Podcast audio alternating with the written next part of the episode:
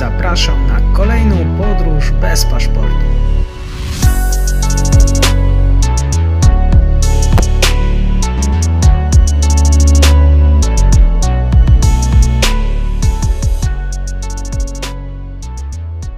Dzień dobry wszystkim w kolejnym odcinku podcastu. Dzisiaj moim gościem jest pan Patryk Kugiel, analityk w programie Azja Pacyfik. W swoich badaniach pism koncentruje się na krajach Azji Południowej. Głównie są to kraje jak Indie, Pakistan, Afganistan oraz polityce współpracy rozwojowej Polski i Unii Europejskiej. Dzień dobry panu. Dzień dobry panu i dzień dobry państwu. Dzisiaj będziemy koncentrować się na Indiach i spróbujemy słuchaczom wyjaśnić, jak to się stało, że z tego zacofanego i cierpiącego klęski głodu kraju e, zmieniają się w nazwać można wschodzące mocarstwo. E, chciałbym jednak wrócić do 15 maja 2014 roku. Wtedy to indyjska Główna Komisja Wyborcza ogłosiła wynik wyborów. Spodziewano się wtedy zwycięstwa koalicji pod przewodnictwem Indyjskiej Partii Ludowej, ale skala tego zwycięstwa zaskoczyła wszystkich. Wielu komentatorów wtedy przewidywało, że Indie wejdą w nowy etap, bardziej troszkę asertywny, nacjonalistyczny. Szokowała też skala klęski partii Mahatmy Gandhiego, Kongresu Narodowego, która dla słuchaczy, wyjaśniam, doprowadziła Indię do niepodległości i rządziła nimi przez 54 lata. Indyjska Partia Ludowa później wygrała kolejne wybory w 2019 roku. Rozpoczynając naszą rozmowę, Narendra Modi rządzi siódmy rok. Ten człowiek w dzieciństwie musiał zarabiać na życie sprzedając herbaty na dworcu. Y, jeszcze do niedawna nazywany był zbawcą Indii i tu pytanie do Pana. Jak podsumowałby Pan te lata rządów IPL-u? Pewnie to był dobry czas dla Indii, zwłaszcza w zakresie wzmocnienia jej, ich, jej pozycji międzynarodowej. Indie stały się bardziej aktywne na forum globalnym, zyskiwały nowych przyjaciół, coraz większy wpływ w różnych organizacjach międzynarodowych, czego chociażby przykładem jest to, że właśnie od 1 stycznia tego roku Indie są niestałym członkiem Rady Bezpieczeństwa, i ich wybór w czerwcu ubiegłego roku był no, przy rekordowym poparciu y, prawie wszystkich państw y, świata. Więc mamy Indię dzisiaj w Radzie Bezpieczeństwa ONZ-u na kolejne dwa lata. I to jest jakby jeden z przykładów tego, jak Indie poprawiły swoją pozycję międzynarodową właśnie zarządów Narendry Modiego. Do tego możemy do, dorzucić y, dość wysokie tempo wzrostu gospodarczego przez ostatnie 6 lat. No, w tym roku sytuacja, znaczy w zeszłym roku sytuacja się zmieniła diametralnie z uwagi na COVID, y, pandemię globalną, ale o tym pewnie porozmawiamy później. Y, więc y, do innych sukcesów jego prezydentury można wskazać kilka programów modernizacyjnych, które promował, wdrażał w swoim kraju takie jak Make in India, Digital India. No, Modi ma podejście takie dość liberalne w zakresie polityki gospodarczej, wspiera coraz bardziej Indię na świat, poprawia warunki do prowadzenia biznesu. Za jego rządów Indie w takim rankingu Banku Światowego Doing Business przeskoczyły ze około 140 miejsca na pierwszą pięćdziesiątkę, także e, warunki do prowadzenia działalności w Indiach się poprawiają.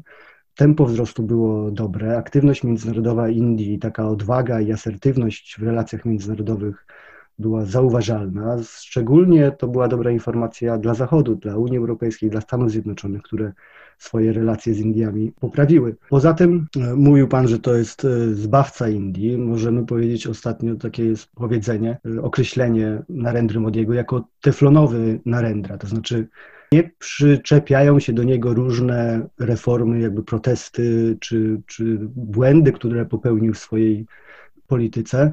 I da, nadal zachowuje y, ogromne poparcie społeczne rzędu ponad 70% y, mieszkańców Indii. Ma o nim bardzo dobre zdanie, mimo tego, że jego reformy wielokrotnie wyrządzały dużo chaosu i wiele osób na tym mm, traciło w krótkiej perspektywie. Tutaj można przy, przypomnieć jego reformę demonetyzacyjną z 2016 roku, kiedy z dnia na dzień wy, wycofał z obiegu 95% banknotów. Tak? W związku z tym y, ktoś się rano wieczorem kładł spadł, spać, a rano y, nie mógł, nie miał za co kupić jedzenia, żywności i tak dalej, tak? bo nagle się okazało, że gotówka, którą miał w portfelu, do niczego już nie służy, tylko można było ją zdeponować w banku i wymienić na, na nowe pieniądze. Tak? Tego typu reform niepopularnych, źle dość wprowadzonych, aczkolwiek potrzebnych, ale źle wprowadzonych było kilka za jego rządów i mimo temu to poparcie społecznemu nie, nie spada. Dzięki temu y, też w 2019 roku odniósł to druzgocące zwycięstwo dla swojej partii BJP, Indy, Indyjskiej Partii Ludowej. W związku z tym y, nawet ten kryzys gospodarczy z ubiegłego roku spowodowany przez COVID też nie zachwiał jego popularnością w społeczeństwie i jest ciągle najsilniejszym, najpopularniejszym politykiem w Indiach i jednym z ważniejszych y, polityków w świecie. Z tego co pamiętam, Modi y, zdobył władzę głównie takim dzięki hasłom tego żywienia gospodarczego, ale to wszystko wyrażało się w takim zwrocie y, razem ze wszystkimi, rozwój dla wszystkich. I ja tutaj pytanie, czy, czy rzeczywiście wszyscy odczuwają te, te tempo wzrostu i czy jest to widoczne gołym okiem w Indiach?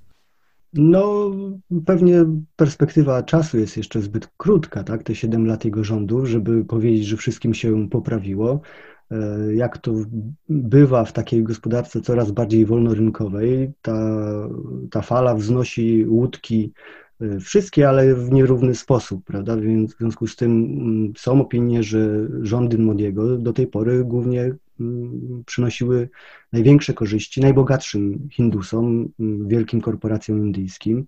Im się łatwiej pracuje, im się łatwiej robi biznesy, no i one napędzają też całą gospodarkę, która w jakimś stopniu rozlewa się po wszystkich. Zresztą to jest bardzo charakterystyczne dla Modiego, że on ma e, taką retorykę przyjmuje, że właśnie on dba najbiedniejszych, tak? Mówi o inkluzywnym, włączającym rozwoju Indii, że dba naj, o naj, najbiedniejszych I, i szereg jego inicjatyw też temu bezsprzecznie służyło, tak?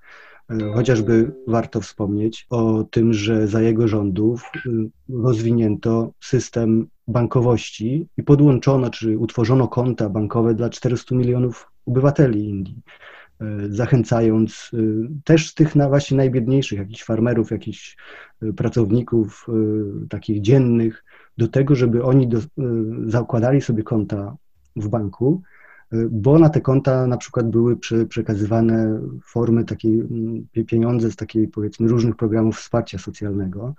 I to był warunek, żeby tą, tą pomoc państwa otrzymywać, I, i, i, i, w związku z tym to doprowadziło do wielkiej digitalizacji całej gospodarki indyjskiej. No i te benefity faktycznie y, trafiały bezpośrednio na konta tych ludzi, bez pośredników, tak, bez różnych wcześniej agencji, urzędów, które często w warunkach indyjskich problemem ciągle jest korupcja. W związku z tym wcześniej dużo tych pieniędzy po, po drodze gdzieś tam e, przypadało, a teraz e, taki zwykły obywatel Indii widzi bezpośrednią po, pomoc państwa, chociażby właśnie na swoim koncie bankowym. Czy inna taka jego mm, inicjatywa, Clean India, czyli czyste Indie, która zakładała utworzenie kilkuset milionów toalet w domach, tak? bo pamiętajmy, że do, do niedawna około 400 milionów gospodarstw domowych nie miało w ogóle toalety, tak, tak normalnej, zwyczajnej dla nas rzeczy. I dopiero inicjatywa Modiego zakładała i ta inicjatywa w zasadzie się już zakończyła sukcesem, tak żeby w każdym gospodarstwie domowym była już toaleta. Mówimy w kontekście Azji, Chin, o azjatyckich tygrysach, wspomniał Pan o firmach indyjskich. W jakie branże głównie e, inwestują Indusi? No i, i tak jak marką rozpoznawczą Chin była produkcja i e, no, tworzenie dóbr przemysłowych, tak e, marką Indii po 2000 roku zwłaszcza były sektor, był sektor usług i E, zwłaszcza sektor IT, informa, informatyki, e, technologii komunikacyjnych, usług dla, dla biznesu. Tak? tak pamiętajmy, że w Indiach wiele korporacji międzynarodowych też tworzyły swoje centra obsługi dla biznesu. Firmy informatyczne zakładały tam swoje centra badań i rozwoju i swoje siedziby. Mówimy o Dolinie Krzemowej w okolicy miasta Bangalore na, na południu Indii. To jest takie właśnie zagłębie tego sektoru IT firm informatycznych, które już są firmami globalnymi. Tak? Poza tymi sektorami Indie najszybciej się w ostatnich latach rozwijał w Indiach sektor biotechnologii, farmaceutyków, no i różnych też usług, Poza tym przetwórstwo y, petrochemiczne, w mniejszym stopniu inne sektory gospodarki. Ciągle jednak jednym z wielkich niepowodzeń Modiego jest to, że nie udało mu się właśnie zwiększyć sektora, udziału sektora wytwórczego w całości gospodarki. I indyjska gospodarka jest takim ewenementem, tak? Mówiło się przez lata o tym, że Indie przeszły, przeskoczyły jeden poziom rozwoju, to znaczy ten rozwój przemysłowy, tak? Jakby z sektora, z poziomu państwa rolniczego przeskoczyły ten sektor przemysłowy od razu w sektor usług, które na dzień dzisiejszy wytwarzają około 60% indyjskiego PKB. Właśnie w marcu i kwietniu, na początku pandemii koronawirusa, Dużo w Polsce słychać było e, doniesień w kontekście sektora farmaceutycznego. Tutaj też o, o, tych działaniach rządu Indii, jak chce się uniezależnić od Chin, e, gdzie sprowadza substancje czynne do produkcji leków. W dalszej perspektywie to właśnie ten indyjski przemysł e, farmaceutyczny miał jakby stać się globalną taką alternatywą wobec swojego północnego sąsiada. Mm, ale Indie to nie tylko leki, ale również i misje kosmiczne. Z danych mi e, wiadomych, Indie przygotowują się teraz do dwóch kolejnych misji kosmicznych. E, w tym roku ma wystartować misja, której celem będzie ponownie Księżyc oraz ta pierwsza załogowa misja organizowana przez Indyjską Organizację Badań Kosmicznych. Pytanie do Pana, czy Indie rzeczywiście mają szansę rządzić w kosmosie i jak wygląda u nich ten rynek? No, może nie są jeszcze liderem, nie będą rządzić w kosmosie, ale na pewno są jednym z ważniejszych graczy. Tak? Mamy tą udaną mis misję Chandrayaan 1 i 2 na, na Księżyc. Mamy, co, co ważne też, y, Indie wysyłają satelity y, najtaniej na całym świecie. Tak? I ten sektor y, wystrzeliwania satelitów komercyjnych dla różnych państw czy firm w Indiach jest niezwykle rozwinięty i wiele państw i też Unii Europejskiej i, i innych państw na świecie właśnie wystrzeliwuje swoje satelity w kosmos z wykorzystaniem indyjskich technologii i, i robi to w Indiach. Więc y, faktycznie sektor y, kosmiczny jest w Indiach jednym z lepiej rozwiniętych i to jest y, światowa czołówka. No, poza Chinami, Stanami Zjednoczonymi, Rosją, no to Indie są pewnie tutaj jednym z bardziej liczących się graczy. Mają mm, plan wystrzelenia eksploracji mm, Marsa, także i, i mają dość niskie koszty tego, tych, tych swoich działań w kosmosie. W kosmosie kiedyś chyba ta, ta misja na, na, na Księżyc było obliczone, że to było chyba jedna dziesiąta kosztów wystrzelenia realizacji misji kosmicznej przez NASA. Także ta efektywność kosztowa Indii jest ich pewnym z, ogromnym zasobem. Wróćmy też do tematów lekko politycznych. Padło mi określenie, że w Indiach e, ma miejsce taki proces powolnego chińszczenia kraju pod kątem swobód obywatelskich, wolności religijnej problemów z demokracją. E, ile, e, zdaniem Pana, tezy o upodobnianiu się do Chin mają wspólnego z rzeczywistością? No, to jest pewnie główna oś krytyki rządu Narendry Modiego znaczy pogarszające się standardy demokratyczne i przestrzeganie praw człowieka, tak? To, to jest y, dość mocno odczuwane w samych Indiach, no i mocno krytykowane y, przez różne organizacje międzynarodowe, organizacje broniące praw człowieka. Y, chociażby warto wspomnieć, w zeszłym roku na jesieni zamknięto w Indiach biuro Amnesty International, Coś, co kilka lat wcześniej stało się w Rosji i pewnie byśmy nie podejrzewali, że w Indiach e, organizacje broniące praw człowieka mogą mieć podobne e, problemy, no ale jednak się stało z uwagi na ograniczenia i szykanowanie przez rząd. E, Amnesty International wycofało się z Indii. Inne organizacje, które tam były obecne, też na to narzekają. Także pogarszanie się stanu demokracji w Indiach jest no, pewnym faktem. Tak? Mieliśmy kilka jakby elementów tego, tego, tego całego procesu. Indie szczycą się z jednej strony, że są największą demokracją świata i e, że mają wolne media, wolne sądownictwo, rządy prawa i tak dalej. I tym się odróżniają właśnie od Chin. I tą kartą Indie zaczęły coraz bardziej grać w ostatnim e, roku. W, w miarę ich pogarszających się relacji z Chinami. No ale nie jest to tak y, jakby kolorowy czy różowy obrazek, jak władze indyjskie próbują namalować, bo faktycznie ten zakres swobód obywatelskich się pogarsza. Mamy pewne właśnie szykany dla organizacji międzynarodowych broniących praw człowieka, organizacji lokalnych, organizacji pozarządowych. Mieliśmy dość duży problem w Indiach, to jest traktowanie mniejszości etnicznych czy religijnych w tym kraju, szczególnie muzułmanów. Było kilka ustaw w ostatnich latach, które uderzały w interesy mniejszości muzułmańskiej. A pamiętajmy, że to jest około 200 milionów ludzi, tak? To muzułmanie w Indiach są około 15-14% społeczeństwa, no ale przekłada się to na ogromne liczby. Zarządów właśnie Modiego wprowadzano różne ustawy, jak e, zakaz sprzedaży i uboju e, bydła, E, czym wcześniej zajmowali się muzułmanie i wokół czego dochodziło wielokrotnie do samosądów i takich linczów e, społecznych na osobach wyznania e, islam muzułmańskiego, które oskarżano o, o właśnie o to, że zabili jakąś krowę albo handlują wołowiną. W związku z tym ustawodawstwo szło też w tym kierunku, żeby coś, co jest ważne dla społeczności muzułmańskiej, ograniczać. Tak? Więc ten handel wołowiną z jednej strony.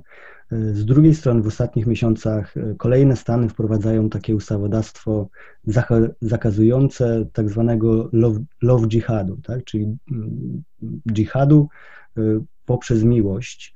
Znaczy to polega na tym, według tych skrajnych nacjonalistów hinduskich, polega na tym, że muzułmanie y, żenią się z hinduskami po to, żeby je przeciągnąć na swoją własną wiarę i prawda, zmniejszać populację Hindusów w Indiach i islamizować ten, ten kraj. I, I, to jest sankcjonowane coraz częściej przez poszczególne stany. Niedawno stan Uttar Pradesh, największy stan indyjski, ponad 200 milionów ludzi, wprowadził zakaz tego typu praktyk. E, więc społeczność muzułmańska czuje się coraz bardziej osobami drugiej kategorii, a e, słynna tolerancja religijna i wielokulturowe społeczeństwo indyjskie no, wykazuje coraz więcej e, niedociągnięć i, i, i, rys na tym swoim wizerunku. Jeszcze w tym kontekście można by wspomnieć kwestię Kaszmiru, tego regionu w Indiach, jedynego, w którym większość stanowili muzułmanie. I mhm. tam w 2019 roku, e, latem, znowu rząd Modiego w takim nagłym, nagłej decyzji, z nikim niekonsultowanej, odebrał temu stanowi e, właśnie ten status autonomiczny i przez kilka miesięcy w zasadzie zablokował ten, ten stan, obawiając się różnych protestów społecznych, zakazując wjazdu dla organizacji między, międzynarodowych, y, dziennikarzy i tak wrzucając do więzienia wielu, czy do aresztu domowego wielu y, liderów politycznych muzułmańskich i tak. W związku z tym te działania y, Indii właśnie w Kaszmirze, czy wobec własnych mniejszości, no nie są jeszcze takie jak w Chinach, chociażby wobec Ujgurów, no ale jest to kierunek e, dość niepokojący z punktu widzenia takiej demokracji liberalnej, jaką Indie pewnie e, chciałyby być e, widziane do tego love jihadu też przypomniałem sobie, że ten strach e, obrońcy czystości hindusek, e, mówiąc o tym miłosnym dżihadzie, dosłownie wietrzyli go wszędzie, że na kampusach, restauracjach, kinach, kafejkach e, internetowych. Rozumiem, że bojówki hinduskich fanatyków nadal polują na muzułmanów. Zdarzają się tego typu sytuacje. Mamy, jakby, musimy pamiętać, że partia Modiego wywodzi się z takich ideologicznych korzeni e, RSS, to jest taka organizacja Korpusu Ochotników, e, skrajnie prawicowa, nacjonalistyczna e, ugrupowania hinduska, która właśnie promuje taką ideologię hindutwy, czyli tego, że, że Indie powinny być krajem hinduskim w głównej mierze, tak? a wszystkie inne religie, które tam żyją, są gośćmi, wyznawcy tej, tych religii są gośćmi i oni się powinni dostosować do nadrzędnych zasad hinduizmu. Ta organizacja, to jest w ogóle RSS, jest jedną z największych organizacji wolontarystycznych na świecie, mająca wiele milionów y, swoich jakby członków i, i, i wolontariuszy. I oni faktycznie robią coś takiego jak y, no, takie patrole, czy taka aktywność obywatelska właśnie, która polega na tym, żeby, nie wiem, sprawdzać, o czym mm, naucza imam w meczecie, tak, czy to jest zgodne z y, prawem i czy to jest zgodne z zasadami jakiegoś współżycia społecznego. Ci ochotnicy, czasem nadaktywni, właśnie byli za, zaangażowani w te lincze na, na muzułmanach, których o, o, oskarżano o handlowanie wołowiną. No i oni pewnie wiodą prym w tych y, takich szykanach wobec osób oskarżanych o te międzyreligijne małżeństwa, tak? O to właśnie, jeżeli ktoś z hinduskiej, z muzułmańskiej, muzułmańskiego wyznania poślubia hinduskę, no to może stać się e, e, obiektem szykan i jakiejś czasem agresji. No ale w tym aspekcie tych najbardziej radykalnych działań jest stosunkowo niewiele, tak, żeby ktoś nie wiem, został os osądzony czy stracił e, życie w jakimś takim samosądzie, e, to jest często po prostu wywieranie presji takiej społecznej, bojkotowanie produktów kogoś, e, jakiegoś muzułmanina czy przedstawiciela innej religii, zakłócanie nabożeństw, tak, jakby może atakowanie sklepów, y, kogoś takiego. W skrajnych wypadkach w Indiach zdarzają się też takie zabójstwa honorowe, tak, jeżeli ktoś, ktoś uważa, że wiem, jakieś małżeństwo y, zaślubiny zhańbiły honor rodziny. Jeszcze wracając do tej sytuacji wewnętrznej, y, wspomniał Pan o 70% poparcia dla partii rządzącej. Tu pytanie się zdradza, na jakich zasadach, jak szeroko działa opozycja? Ja wspomniałem o 70% e, poparcia popularności dla Modiego. To nie przekłada się do końca na, e, na poparcie dla jego partii BJP. Znaczy, Modi jest głównym atutem BJP i dzięki niemu e, ta partia wygrała ostatnie wybory, zresztą tak jak te wcześniejsze w 2014 roku. Jakby to, jakby wybory były wiem, w najbliższych miesiącach, to te, te wyniki mogłyby być różne, ale BJP PJP pewnie by wygrało z dwóch powodów. Jeden argument to jest właśnie Modi, który jest strasznie popularny, a drugi to jest y, odpowiedź na Pana pytanie, czyli y, słabość opozycji. Tak?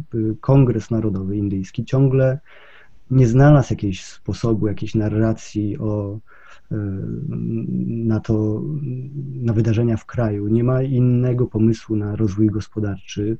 E, no, głównie te spory między BJP a opozycją dotyczą kwestii właśnie takich kulturowych, obyczajowych, e, oskarżania się o naruszania, naruszania mm, standardów demokratycznych, e, o szkodzenie wizerunkowi międzynarodowemu Indii, pewne oskarżenia, jakieś właśnie korupcyjne działania rządu, ale na razie brakuje na to wyraźnych dowodów.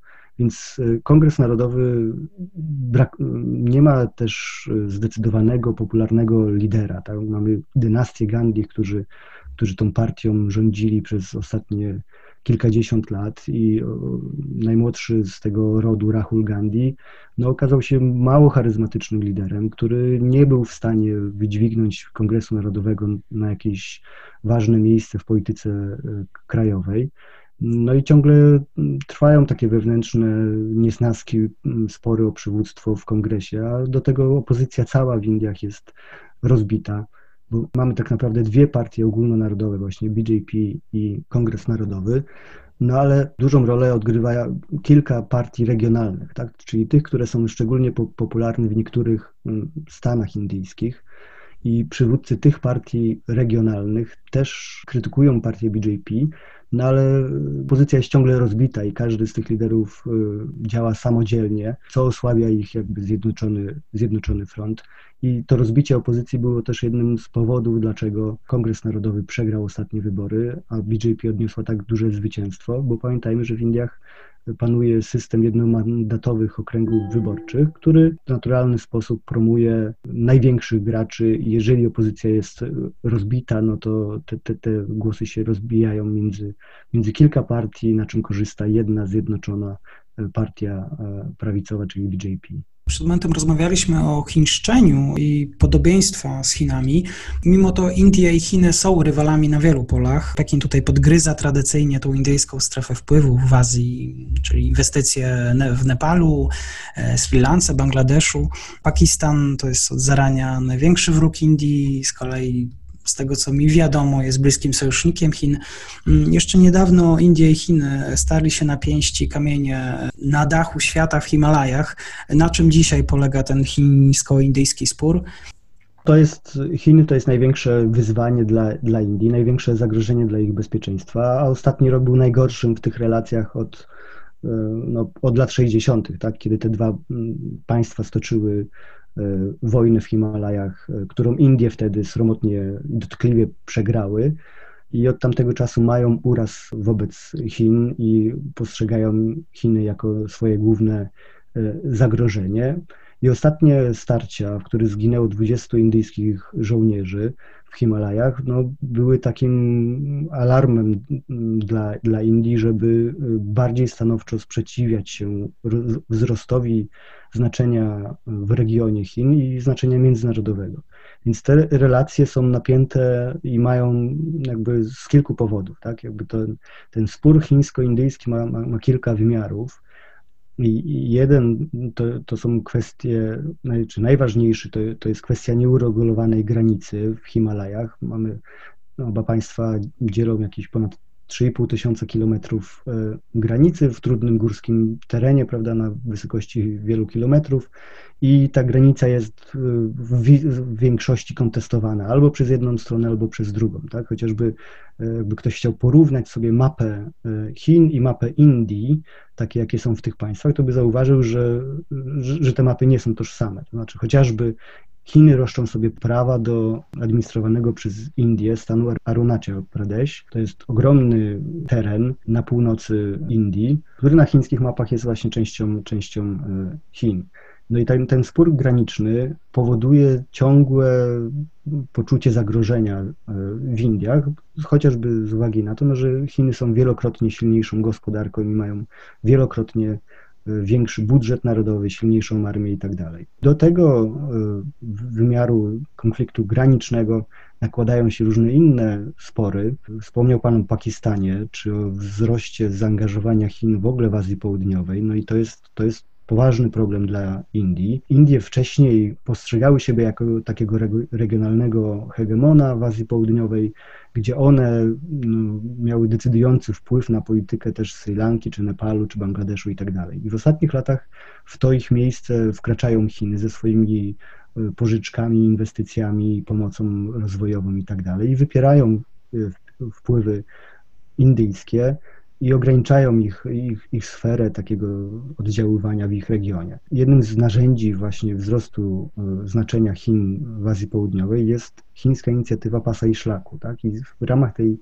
inicjatywy Chiny inwestują w różne projekty infrastrukturalne i na Sri Lance, i w Nepalu, i w Bangladeszu, ale najważniejsza ta inwestycja jest w Pakistanie.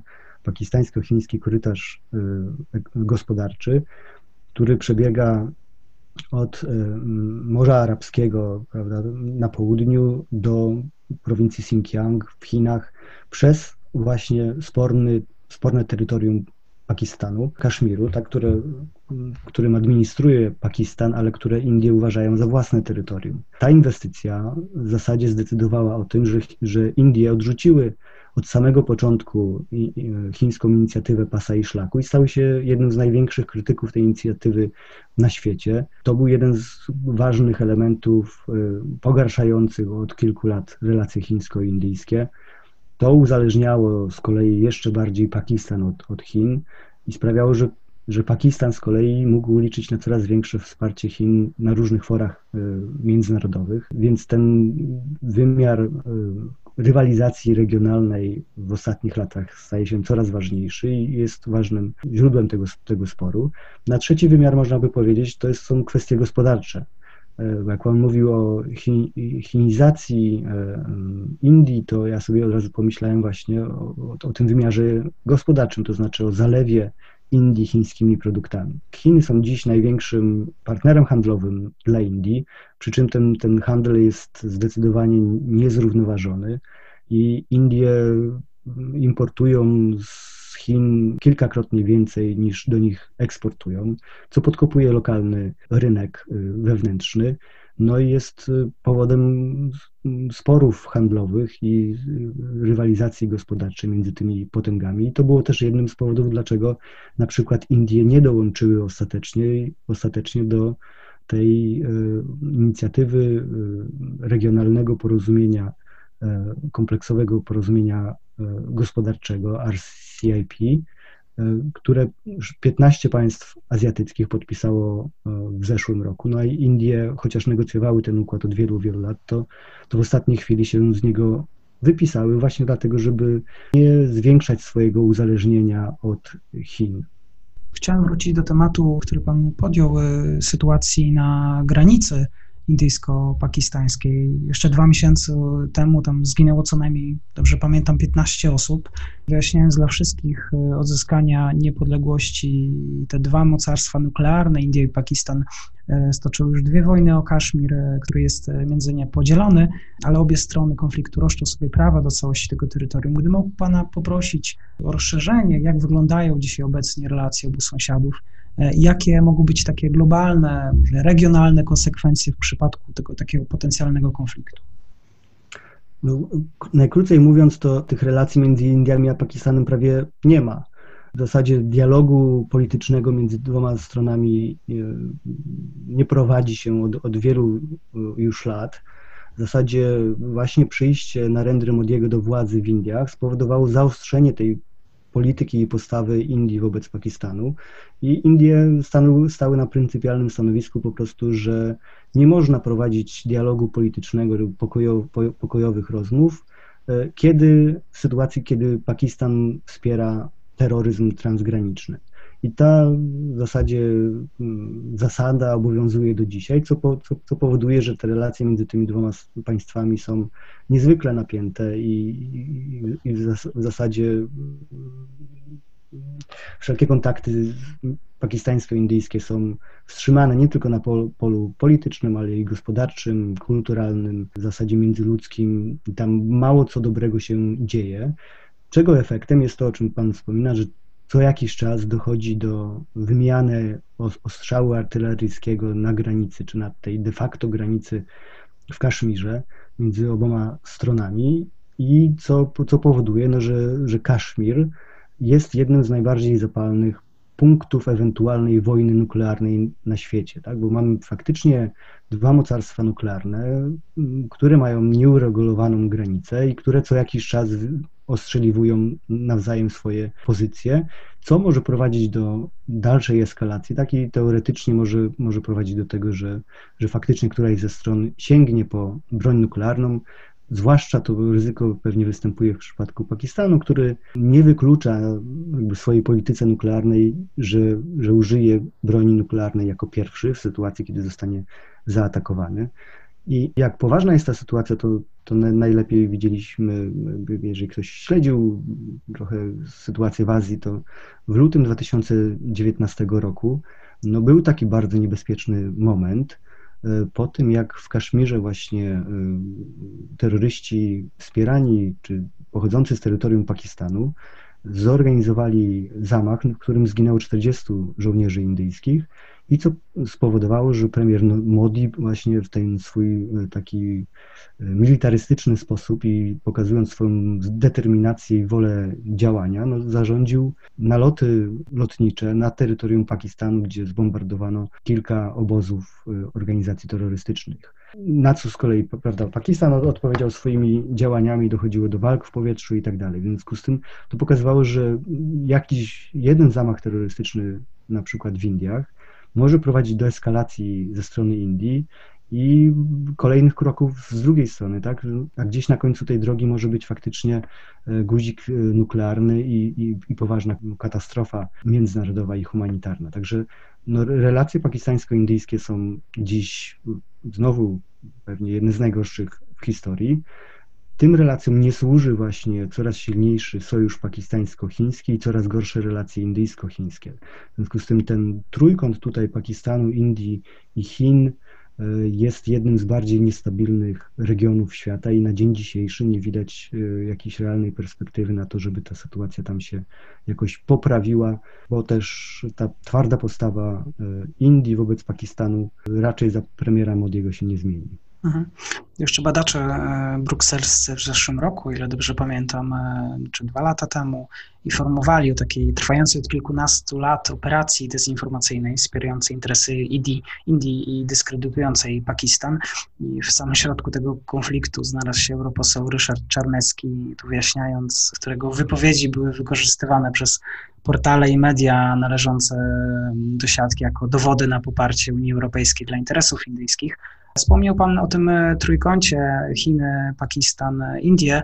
E, zastanawiam się, czy jakoś wpleść w ten konflikt można Stany Zjednoczone i czy one jeszcze mogą w jakikolwiek sposób wywrzeć presję na Pakistanie?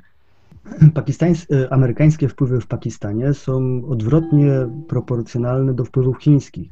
Znaczy, w ostatnich latach mieliśmy takie odwró odwrócenie sojuszy w Azji Południowej bo wcześniej y, Pakistan był sojusznikiem Stanów Zjednoczonych, a Indie były sojusznikiem Rosji, tak, czy Związku Radzieckiego za czasów zimnej wojny. I te relacje pakistańsko-amerykańskie pogarszały się w ostatnich kilkunastu latach dość zdecydowanie, w efekcie czego rolę takiego gwaranta i silnego partnera dla Pakistanu, rolę USA zajmowały Chiny. I na dzień dzisiejszy w efekcie wpływy Ameryki e, w Pakistanie są dość ograniczone i jedyne państwo zewnętrzne, które ma tam dużo do powiedzenia, to są, to są Chiny. E, jednocześnie Indie zmieniły swój front, tak? bo już e, w mniejszym stopniu polegają na swojej, w swojej polityce zagranicznej na współpracy z Rosją, czy wcześniej z, również z Chinami, ale tym sojusznikiem dla Indii na dzień dzisiejszy najważniejszym stały się Stany Zjednoczone. Tak? I w ostatnich latach mamy mocno zacieśniające się partnerstwo strategiczne między Indiami i USA, coraz silniejszą współpracę wojskową. Mieliśmy w, listopadzie e, po raz pierwszy ćwiczenia wspólne takiej organizacji Quad, czyli czterokątnego dialogu w, sprawu, w sprawach bezpieczeństwa, który obejmuje poza Indiami i USA jeszcze Australię i Japonię. I y, ten kład jest też postrzegany jako taka koalicja państw y, demokratycznych w Indo-Pacyfiku, zwrócona przeciwko Chinom, czy mająca za zadanie ograniczanie rozwoju, zwiększania się wpływów chińskich w tej, w tej części świata.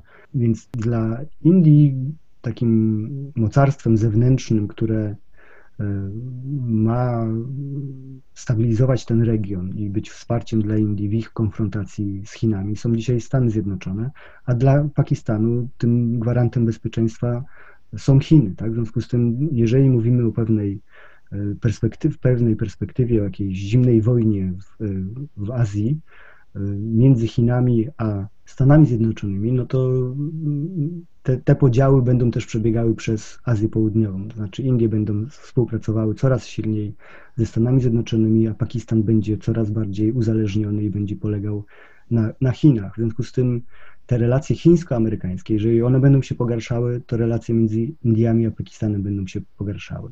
Przypominam sobie właśnie obrazki z ubiegłego roku, kiedy Trump przybył do Indii z wizytą. Przyznam, że ten wiec na stadionie e, wyglądał imponująco, 100 tysięcy ludzi. Te słowa, że Trumpa od tego dnia Indie zawsze będą zajmowały szczególne miejsce w moim sercu.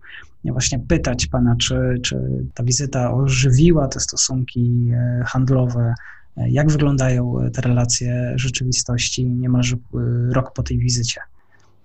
Relacje amerykańsko-indyjskie poprawiają się dynamicznie i stale od początku XXI wieku, niezależnie od tego, kto rządził w Waszyngtonie. Indie były też jednym z niewielu państw, które skorzystały na prezydenturze Trumpa, tak, które nie popsuły swoich czy nie pogorszyły swoich relacji z USA e, podczas prezydentury Donalda Trumpa. Wręcz przeciwnie, te stosunki są silniejsze niż były 4 czy, czy 5 lat temu. Mówiło się, i to było też widać na tym wiecu, o którym Pan mówi, o bardzo dobrych takich związkach osobistych między Narendrą Modim a Donaldem Trumpem, że mówili trochę podobnym językiem, byli to powiedzmy realistami, takimi pragmatykami, no i zgadzali się w ocenie chociażby Chin, tak, czy sytuacji w Afganistanie, twardego stanowiska wobec Pakistanu, więc tych dwóch liderów y, wiele łączyło, no ale najważniejsze, że łączyły ich też wspólne interesy. Tak? I wspólna percepcja Chin i zagrożenia Chin jest na dzień dzisiejszy najsilniejszym klejem, spoiwem łączącym Indie i USA, i co oznacza też, że te relacje będą się rozwijały bardzo dobrze. Jedynym natomiast e, takim głównym punktem spornym między, między tymi państwami były kwestie gospodarcze. To jakby Trump potrafił sobie jakby no, popsuć atmosferę czy relacje z różnymi swoimi sojusznikami, tak, nawet z Unią Europejską czy z Japonią wokół kwestii gospodarczych i, i to samo jakby dotyczyło Indii. Indie narzekały, prawda, że zostały obłożone cłami na stalu i aluminium, odebrano im pewne mm, takie preferencje w dostępie do rynku amerykańskiego. No i mm, Trump zresztą wielokrotnie oskarżał Indię, że, że też próbują okraść Amerykę tak samo jak Chiny, wykorzystując swój status mm, kraju rozwijającego się. Tylko, że mimo tych y, jakby retorycznych napięć między USA a Indiami w czasie Trumpa, tak naprawdę handel i inwestycje wzajemne kwitły. Tak? te relacje między gospodarkami, między firmami, biznesem w obu krajach są, są pozytywne i wykazują się ogromną dynamiką wzrostu. Tak? Na dzień dzisiejszy Stany Zjednoczone są największym rynkiem eksportowym dla Indii chociażby.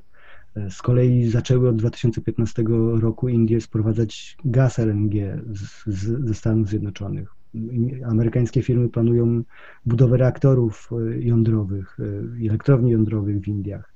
E, także tych połączeń biznesowych jest bardzo dużo, a zważywszy na potencjał i ogrom rynku indyjskiego i zasoby firm amerykańskich, no można podejrzewać, że, że te relacje gospodarcze będą rozwijały się w najlepsze. E, jedną dobrą rzecz Trump e, zrobił dla tych relacji w sferze gospodarczej, znaczy zaczął rozmowy na temat umowy o wolnym handlu między Indiami a USA. I podczas tej jego wizyty w Indiach w lutym zeszłego roku miano już podpisać jakiś mały chociaż układ, o wolnym handlu. To jednak się e, nie udało, w związku z tym to zostaje w spadku dla nowej administracji prezydenta Joe Bidena i pewnie możemy się spodziewać tutaj y, pewnych postępów i mm, co, co w przypadku przyjęcia umowy o wolnym handlu między Indiami a USA, no to będzie y, jeden z największych rynków wol, wolnego handlu powstanie na świecie i perspektywy zacieśnienia jeszcze bardziej więzi amerykańsko-indyjskich będą, będą, będą ogromne. Tak? W związku z tym oprócz tych kwestii strategicznych, bezpieczeństwa, współpracy wojskowej, Indie stają się też e, coraz ważniejszym partnerem gospodarczym dla Stanów Zjednoczonych i, ta, i, ta, i te relacje będą e, dalej się wzmacniały. Indie będą jednym z najważniejszych sojuszników USA e, w Azji i pewnie na świecie w najbliższych dekadach. To tak na zakończenie pytanie. Indie stają się, czy już są globalnym mocarstwem? O nie, niestety stają się i to niestety stają się od przynajmniej 20-30 lat. Jak się spojrzy na książki o Indiach w polityce międzynarodowej, to co drugi tytuł e, przez lata nazywał się albo Rising Power, albo Emerging Power. E, zawsze Indie były wschodzącym mocarstwem, ale nigdy jeszcze nie zeszły. I e, ten, ten proces trwa nadal. Pewnie Indie dzisiaj mają więcej atrybutów mocarstwa niż to było 5-10 lat temu, ale jest jeden czynnik negatywny, o którym nawet zbytnio nie porozmawialiśmy, ale sytuacja związana z pandemią COVID-19, no ten marsz ku mocarstwowości Indii y, bardzo wyhamowała, żeby nie powiedzieć, że zatrzymała. Tak, bo, bo, bo potencjał gospodarczy Indii y, znacznie ucierpiał. Indie w zeszłym roku prawdopodobnie ich PKB obniży się o około 10% w trzecim kwartale zeszłego roku ten spadek PKB wynosił aż 25%, tak? czyli ta, ta gospodarka zanotowała ogromny cios y, w wyniku mm, no, obostrzeń wprowadzonych w odpowiedzi na COVID-19. co utrudni Indiom realizację swoich różnych mocarstwowych planów, tak? bo, bo, bo to, że Indie chcą być mocarstwem, to jest oczywiste i niepodważalne przez nikogo i indyjscy politycy wielokrotnie o tym zapewniali, ale żeby być mocarstwem, to trzeba mieć nie tylko wolę polityczną, ale i zasoby, a tych zasobów, zwłaszcza ekonomicznych, Indie długo nie miały. I ostatnie dwie dekady bardzo szybkiego wzrostu gospodarczego na pewno pozycję i siłę Indii y, poprawiły, no ale ubiegły rok y, wyrządził poważne szkody i przez najbliższe lata Indie będą musiały tak naprawdę nadrabiać y, straty, które odnotowały, zwłaszcza, że relatywnie wobec Chin ta przepaść między Indiami a Chinami się dalej zwiększyła, tak, bo podczas gdy Chiny E, no, stosunkowo łagodniej przeszły przez pandemię COVID-19, no to Indie ucierpiały na niej e, jako jeden z naj, państw, które w największym stopniu ucierpiały na pandemii COVID-19. W związku z tym to tę mocarstwowość Indii, osiągnięcie tego statusu osłabia, opóźnia, ale na pewno Indie są jednym z pięciu, sześciu najsilniejszych państw świata i kierunek ich y, wzrostu ich znaczenia międzynarodowego i w gospodarce, i w polityce jest, y, będzie pozytywny. No to Indie będziemy jeszcze obserwować w przyszłości. Mam nadzieję, że uda nam się też porozmawiać y, na temat e, innych państw Azji Południowej. Tymczasem bardzo Panu dziękuję za poświęcony czas i mam nadzieję, że do usłyszenia. Super, dziękuję bardzo. Do widzenia.